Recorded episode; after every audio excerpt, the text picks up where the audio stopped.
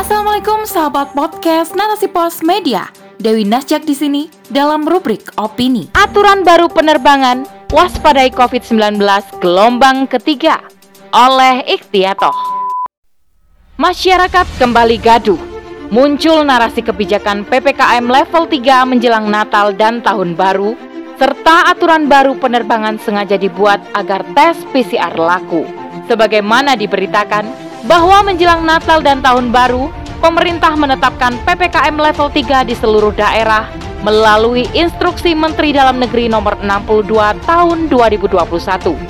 Kebijakan PPKM level 3 dilakukan untuk mewaspadai COVID-19 gelombang ketiga. Selama masa PPKM, maskapai Garuda Indonesia kembali mewajibkan tes polymerase chain reaction atau PCR baik bagi penumpang domestik maupun internasional. Keputusan rapat kabinet, aturan terbaru penerbangan berlaku mulai 24 November dan bisa diakses di situs resmi www.garudaindonesia.com. Penumpang yang melakukan penerbangan dari atau menuju Jawa, penerbangan dari menuju Bali serta penerbangan di dalam Jawa harus menunjukkan bukti vaksin dosis pertama serta surat keterangan hasil negatif RT-PCR yang berlaku 3 kali 24 jam sebelum penerbangan. Begitu pula bagi yang telah melakukan vaksin lengkap harus disertai surat keterangan hasil negatif RT-PCR yang berlaku 3 kali 24 jam sebelum penerbangan atau surat keterangan hasil negatif rapid antigen yang berlaku 1 kali 24 jam sebelum penerbangan. Padahal, polemik kebijakan tes PCR sempat mereda setelah adanya pembatalan dan teralihkan dengan isu pembubaran MUI, terorisme, dan isu lainnya. Sebelumnya, ramai pemberitaan Menko Marves Luhut Binsar Panjaitan dan Menteri BUMN Erick Thohir yang dilaporkan oleh Partai Rakyat Adil dan Makmur atau Prima ke Komisi Pemberantasan Korupsi atau KPK. Pelaporan tersebut didasarkan pada dugaan keterlibatan mereka dalam bisnis tes PCR melalui PT Genomik Solidaritas Indonesia atau GSI. Luhut sendiri telah mengakui kepemilikan sahamnya di PT GSI melalui dua perusahaan tambang PT Toba Sejahtera dan PT Toba Bumi Energi. Namun, ia menyatakan tidak mengambil untung sepeser pun. Sementara Erick Thohir membantah keterlibatannya dalam bisnis PCR. Meskipun nama Garibaldi Thohir yang merupakan kakak Erick tercantum dalam PT GSI melalui Yayasan Adaro Bangun Negeri. Dikutip dari moneykompas.com, Erick Thohir menyatakan dirinya tidak mungkin mengambil untung untuk pribadinya. Ia pun menyatakan tidak terlibat secara langsung terkait kebijakan tes PCR. Menurutnya, kebijakan tersebut dilakukan secara transparan melalui rapat terbatas antara presiden bersama wakil presiden, menteri kesehatan, koordinator penanganan PPKM darurat Jawa dan Bali, serta para menteri terkait maksud hati meluruskan tudingan masyarakat terhadap dirinya, namun justru membuat keadaan semakin blunder. Jika kebijakan tersebut dilakukan melalui rapat bersama kabinet, mengapa justru terkesan minim empati akan kondisi rakyat di masa pandemi? Aturan terkait syarat tes COVID-19 bagi penumpang pesawat beberapa kali mengalami perubahan. Begitu pula dengan harga layanan tes PCR pada awal pandemi, biaya tes PCR mencapai 2,5 juta. Pemerintah sempat menurunkan harga menjadi Rp900.000. Kemudian turun lagi menjadi Rp459.000 untuk Jawa, Bali, dan Rp525.000 untuk luar Jawa Bali. Sekarang, harga tes PCR turun lagi menjadi Rp275.000 untuk Jawa Bali dan Rp300.000 untuk luar Jawa Bali. Selisih harga layanan tes PCR pada awal pandemi dengan harga sekarang cukup jauh hingga membuat masyarakat bertanya-tanya berapa besar harga alat tes PCR sesungguhnya. Kebijakan tes PCR yang cepat berubah dan harga yang turun drastis menjadikan masyarakat semakin yakin ada mafia di balik tes PCR. Kebijakan tersebut lebih menunjukkan pemerintah sedang bermain-main dan melakukan komersialisasi di bidang kesehatan. Wajar jika ada pihak yang menyebut pemerintah membuat kebijakan dengan model cek ombak. Alhasil, kepercayaan masyarakat terhadap pemerintah semakin runtuh. Sementara itu, Sekretaris Ditjen Yankes Kemenkes Azhar Jaya membantah adanya mafia dalam layanan tes PCR. Menurutnya, penurunan harga tes PCR karena pengaruh supply and demand. Pada saat awal pandemi, terjadi over demand, yakni negara produsen belum siap menghadapi permintaan alat kesehatan dari banyak negara.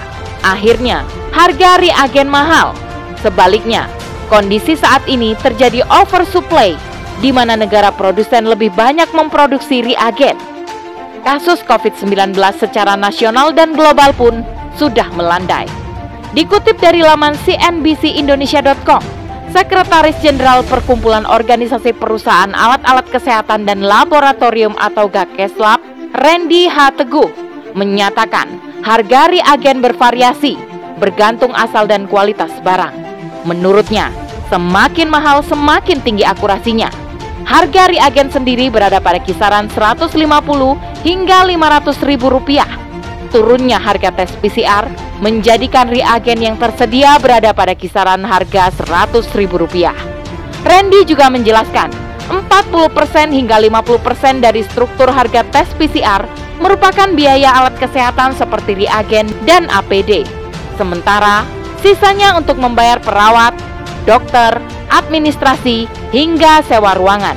Randy juga mengungkap biaya investasi mesin PCR mencapai ratusan juta hingga 2 miliar rupiah. Menurutnya, penurunan harga tes PCR mempersulit investor dan harus melakukan perhitungan ulang. Ia pun mengingatkan kebijakan turunnya harga tes PCR jangan sampai menurunkan kualitas dan keamanan.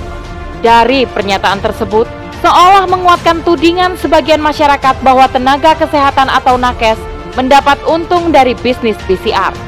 Randy menyebutkan ada biaya untuk perawat dan dokter. Selama ini, nakes memang sering mendapat tudingan turut mengambil untung dari wabah COVID-19.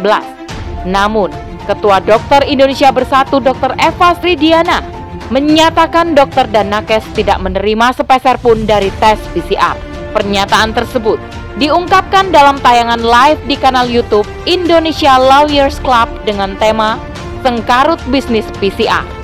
Ia pun menyatakan dokter memakai tes PCR sesuai kebutuhan dan digunakan hanya untuk mengetahui penyakit pasien. Dokter dan nakes sama sekali tidak terlibat dalam bisnis PCR. Dokter Eva menjelaskan bahwa tes PCR merupakan alat diagnostik yang paling akurat dibandingkan dengan antigen, rapid, maupun genos. Namun, pemakaian tes PCR juga harus berhati-hati. Tes PCR hanya menggambarkan kondisi saat seseorang diperiksa, bukan menggambarkan kondisi keesokan harinya. Saat orang tersebut keluar dari pemeriksaan, maka tidak tergambar lagi kondisinya. Dengan kata lain, saat orang tersebut keluar dari pemeriksaan, tetap berpotensi tertular atau menularkan COVID-19. Dari sini saja, tampak dua pernyataan yang saling bertentangan. Satu pihak menyatakan dokter dan nakes mendapat hasil dari tes PCR, namun pihak nakes menyatakan tidak mendapatkan sepeser pun. Pernyataan demi pernyataan yang muncul membuat masyarakat bingung. Akhirnya tidak ada yang bisa menjamin bahwa pemilik saham PT GSI ataupun pejabat tidak mendapat keuntungan untuk kantong pribadi mereka. PT GSI sendiri baru didirikan tahun 2020 tak lama setelah COVID-19 muncul. Sejumlah perusahaan besar tergabung di dalamnya. PT Adaro Energi Tbk yang membawahi Yayasan Adaro merupakan perusahaan tambang batubara terbesar kedua di Indonesia. Selain PT Toba dan Adaro, ada grup Indika milik Arsjad Rasjid yang merupakan Ketua Kamar Dagang dan Industri atau Kadin periode 2021 hingga 2026.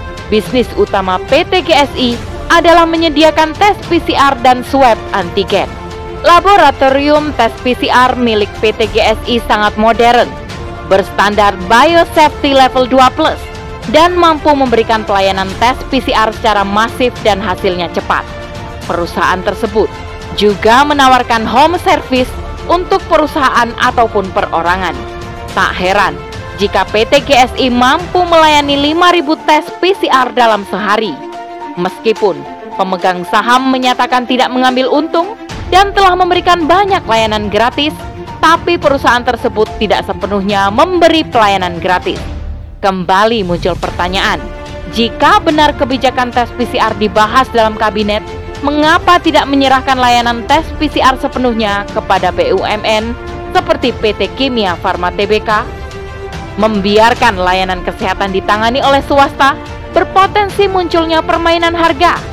Apatah lagi jika perusahaan swasta memiliki hubungan dengan pejabat negara selaku pengambil kebijakan. Hal ini tentu berpotensi lahirkan regulasi berdasarkan kacamata bisnis. Pemerintah wajib memperhatikan hal ini guna menghindari korupsi, kolusi, dan nepotisme. Sebelumnya, COVID-19 varian Delta dari India masuk Indonesia hingga terjadi pandemi gelombang kedua. Kali ini, WHO menyebut adanya kondisi mengkhawatirkan yang akan menjadikan Eropa sebagai epicentrum pandemi. Ada 53 negara Eropa dan Asia tengah mengalami kenaikan 55% angka COVID-19. Sudah seharusnya pemerintah membuat kebijakan yang lebih pro keselamatan rakyat. Mewaspadai pandemi gelombang ketiga, utamanya dengan menutup pintu masuk jalur internasional atau lockdown, bukan lagi mengutamakan pariwisata terkait upaya pencegahan dan pengendalian COVID-19, ada banyak hal yang bisa dilakukan masyarakat.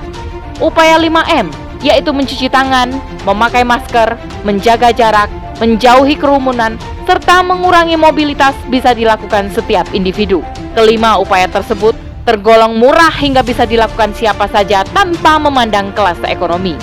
Namun, pemerintah hanya bisa mengharapkan masyarakat taat protokol kesehatan jika pemerintah mampu memberi contoh atas keseriusan dan konsistensinya dalam menangani COVID-19.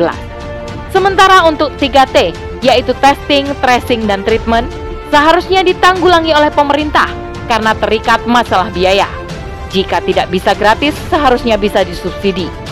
Meskipun harga tes PCR sudah turun drastis, tapi bagi masyarakat menengah ke bawah, uang tes PCR bisa digunakan untuk kebutuhan lain. Pemerintah bisa melihat kondisi ekonomi masyarakat belum stabil ditambah harga kebutuhan pokok mengalami kenaikan. Tes PCR pun sebenarnya lebih tepat jika dilakukan untuk orang yang bergejala bukan untuk orang sehat. Lebih dari itu, penting kiranya pemerintah melakukan audit bisnis tes PCR secara transparan guna membuktikan tidak ada pejabat negara yang terlibat di dalamnya.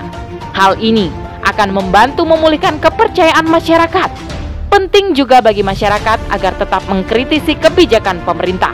Bagaimanapun juga, pejabat negara merupakan manusia biasa yang memiliki nafsu dan kepentingan. Sikap kritis masyarakat yang dilakukan secara masif, secara berjamaah, insya Allah mampu memengaruhi hati para pengambil kebijakan. วงล้อวะลำบิสวะ